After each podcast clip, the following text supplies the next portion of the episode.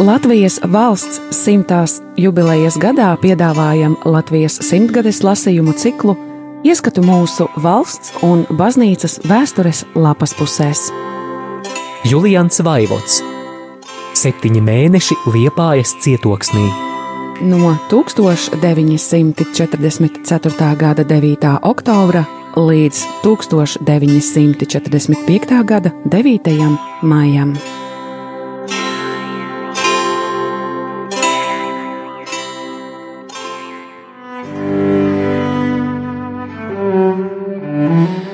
Tūkstoš 945. gada 15. janvārī. Kara laukos dažas pārgrozības. Pēc smagajiem, bet nesekmīgajiem krievu triecieniem pret kurzemes fronti, kuru iznākumā viņi kā dzird esot aizraidīti pat aiz dobeles, krievi savu darbību ir pārsvieduši uz citu sektoru austrumu frontē. Nu pat radio ziņo, ka krievi ar piecām armijām un vairākiem tanku korpusiem uzsākuši smagu ofensīvu Baranovas telpā, kā arī uz Prūsijas robežām tur risinoties vissmagākās cīņas. Šīs cīņas pēc komentātora vārdiem uzsāktas pēc angļu un amerikāņu spiediena, lai atvieglotu pēdējiem stāvokli rietumos, kur jau četras nedēļas risinoties nikna vācu pretofensīva. Tās rezultātā vācieši sabiedrotos 60 km plašā joslā stipri atspieduši atpakaļ – un situši smagas brūces visā sabiedroto kara aparātā. Savā laikā komunistiem ilgi vajadzēja saukt pēc palīdzības, iekams izkustināja savus sabiedrotos radīt rietumos otro fronti. Tagad savukārt angļi un amerikāņi veselas četras nedēļas gaidīja uz Krievu atslogošanas operācijām Polijas frontē. Ap Budapeštu jau sen risinās niknas cīņas, un tur liekas vāciešus nebūs viegli pieveikt. Itālijas frontē pēc vācu ziņām valdot relatīvs klusums.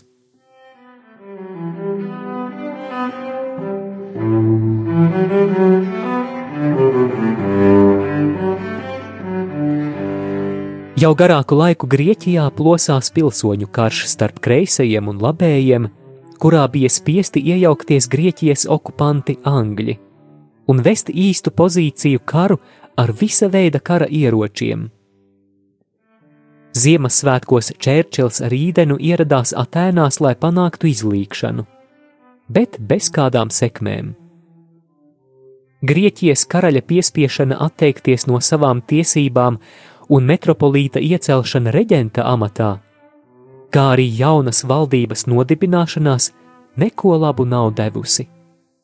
Jo, lai gan saskaņā ar partiju nolīgumu jau svētdien vajadzēja izbeigties katrai kara darbībai, tomēr, kā šodien vācu radio ziņo, cīņas vēl turpinoties visā Grieķijā. Skaidri redzams, ka angļiem te jānorī rūkts kumos, jo tagad viņu sabiedrotais ar angļu sūtītiem ieročiem sit pašus angļus.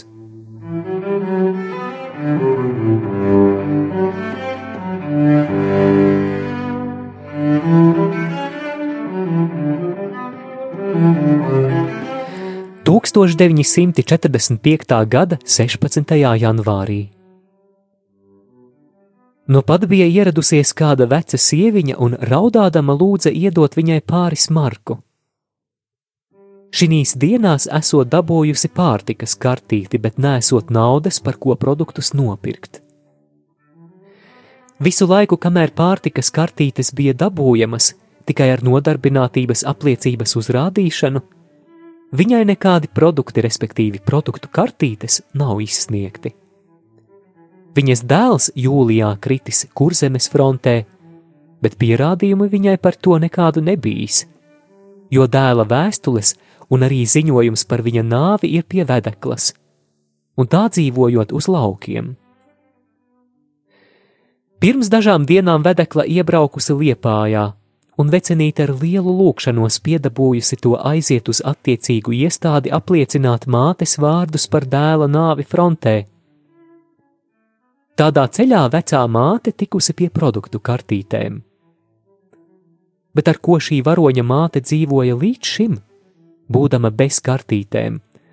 Ja tagad viņai trūkst dažas markas, ar ko izsniedzamos produktus nopirkt? Tā ir vecu cilvēku traģēdija Liepājā. Viņi ir darba nespējīgi, bez apgādniekiem. Bieži gadās, ka bērni aizbraukuši uz Vāciju, bet vecajiem uz laukiem paziņu nav. Tāpēc dzīvo pilsētā, pat baidīdamies iziet uz ielas vai nākt baznīcā, jo kontroles gadījumā nevar uzrādīt sarkano kartīti, kura attaisnotu viņu atrašanos pilsētā. No kā viņi iztiek un ar cik maz var būt apmierināti, par to var tikai pabrīnīties. Šī pati sieviņa, kad viņai iedevu simt markas, pat negribēja tik daudz ņemt. Bet par tām simt markām šodien tirgū viņa nevar nopirkt ne pāris kilogramu gaļas. Esmu pārliecināts, ka tik ātri viņa atkal neatnāks pēc pabalsta, lai gan to viņai ieteicu darīt, līdz ko būs vajadzība. Kāds varētu iebilst, kāpēc tādi cilvēki vispār sēž pilsētās? Bet kur lai viņi paliek? Uz laukiem tādus neviens negaida. Kam uz laukiem ir radi un paziņas, tie paši sen izbrauca, lai paglābtos no bumbām bet kam pazīstamu nav, tie turas vismaz pie sava kakta, kur viņi varbūt visu mūžu ir nodzīvojuši. Veci cilvēki labprāt savu ligzdu neatstāja. –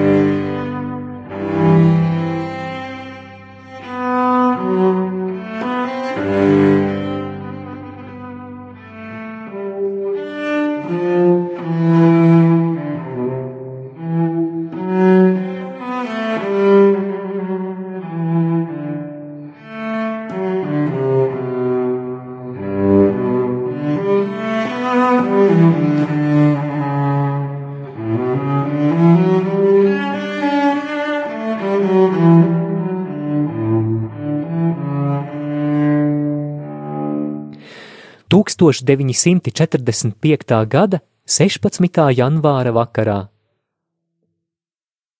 Pievakarē sāka mākties, un varēja sākt domāt par bārdas skūšanu.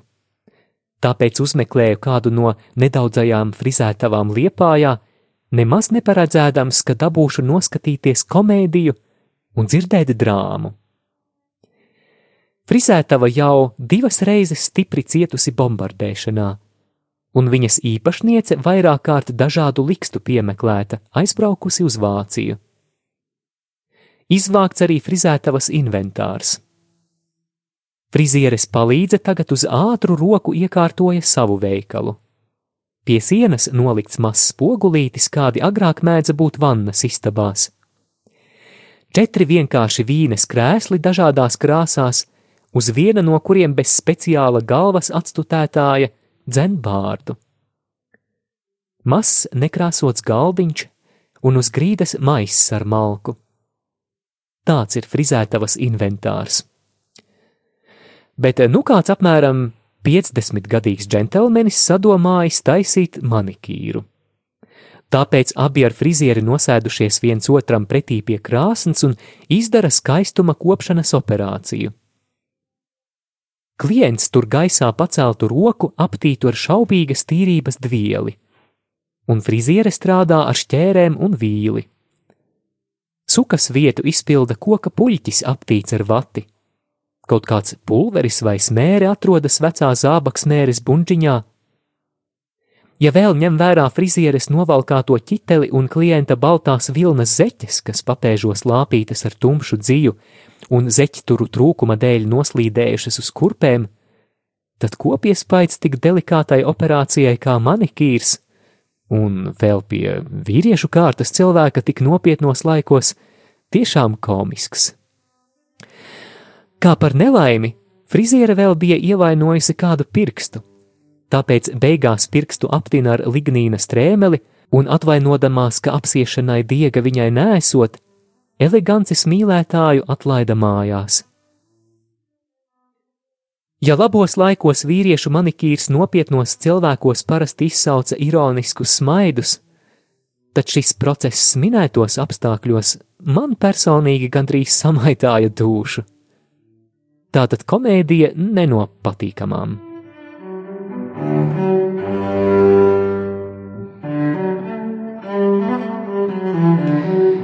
Bet nu sākās drāma ar mazu cilvēciņu. Kāds krievs ar apmēram piecu gadu puisīti gaida savu rindu, lai mazajām apgrieztu matiņus. Zēns ieģērbts noskrandušā mētelītī, no kura gandrīz jau izaudzis ārā. Puisītis sēd, sevi ierāvies, un uz tēva krieviskajiem jautājumiem atbild latviešu valodā. Tas klātesošajiem izliekas savādi. Vai tad mūsdienās kāds vēl zaktu bērnu, kad vecākiem savus grūti izbarot? Arī krievs sāk sūroties, ka bērns viņam jāņemot līdzi darbā, jo nesot pie kā atstāt. Bērnam visu dienu jāsalstot uz atklāta lauka un nesot ko ēst, jo kartupeļus nevarot dabūt. Beigās zēnu nosēdināja uz krēsla un sāka viņam griezt matus. Kādā brīdī bērns paceļ visu laiku nolaistās actiņas, un friziere pēkšņi iesaucas: Vai tik tu neesi jūrītis? Puisītis klusi to apstiprina. Tālāk friziere jautā, kur tante, bet to viņš nezina. Uz jautājumu, vai viņš aizejot arī uz agrāko dzīves vietu, bērns atbild ar nē, jo tagad tur dzīvojot karavīri. Pa to laiku Krievs paliek nemierīgs, jo viņš no sarunas nekā nesaprot. Tāpēc priecīgs, ka bērnam mati apgriezti un steigšus aizved zēnu projām. Tagad friziere sāk stāstīt bērna vēsturi. Sākumā skrandās to nesot pazinusi.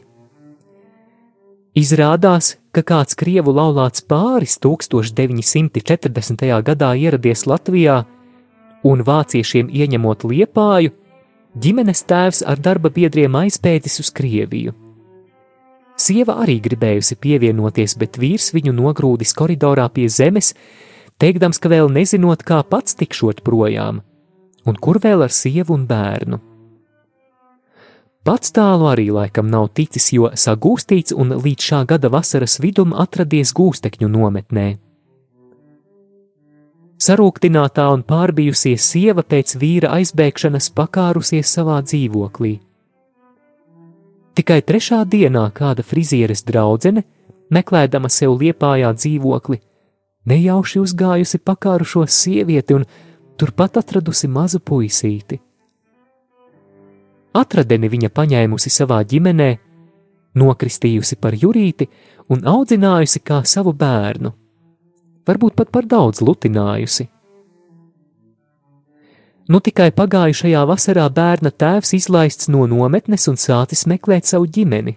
Sievu, saprotams, neatradis, bet kaut kā sadzinis dēla pēdas un ar lielu skandālu to auga vecākiem atņēmis.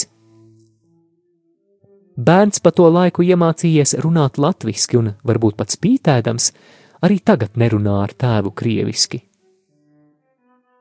No labas, pārtikušas ģimenes viņš tagad spiests uzturēties bijušā gūstekņa miteklī un ciest visādu trūkumu.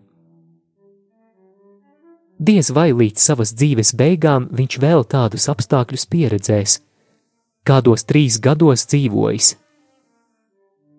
Bet aizmirst to viņš gan nekad neaizmirsīs, un tas dos zināmu traģismu visai viņa dzīvē. Kā jau tagad viņa bērnībai, kas lasāms viņa atstiņās.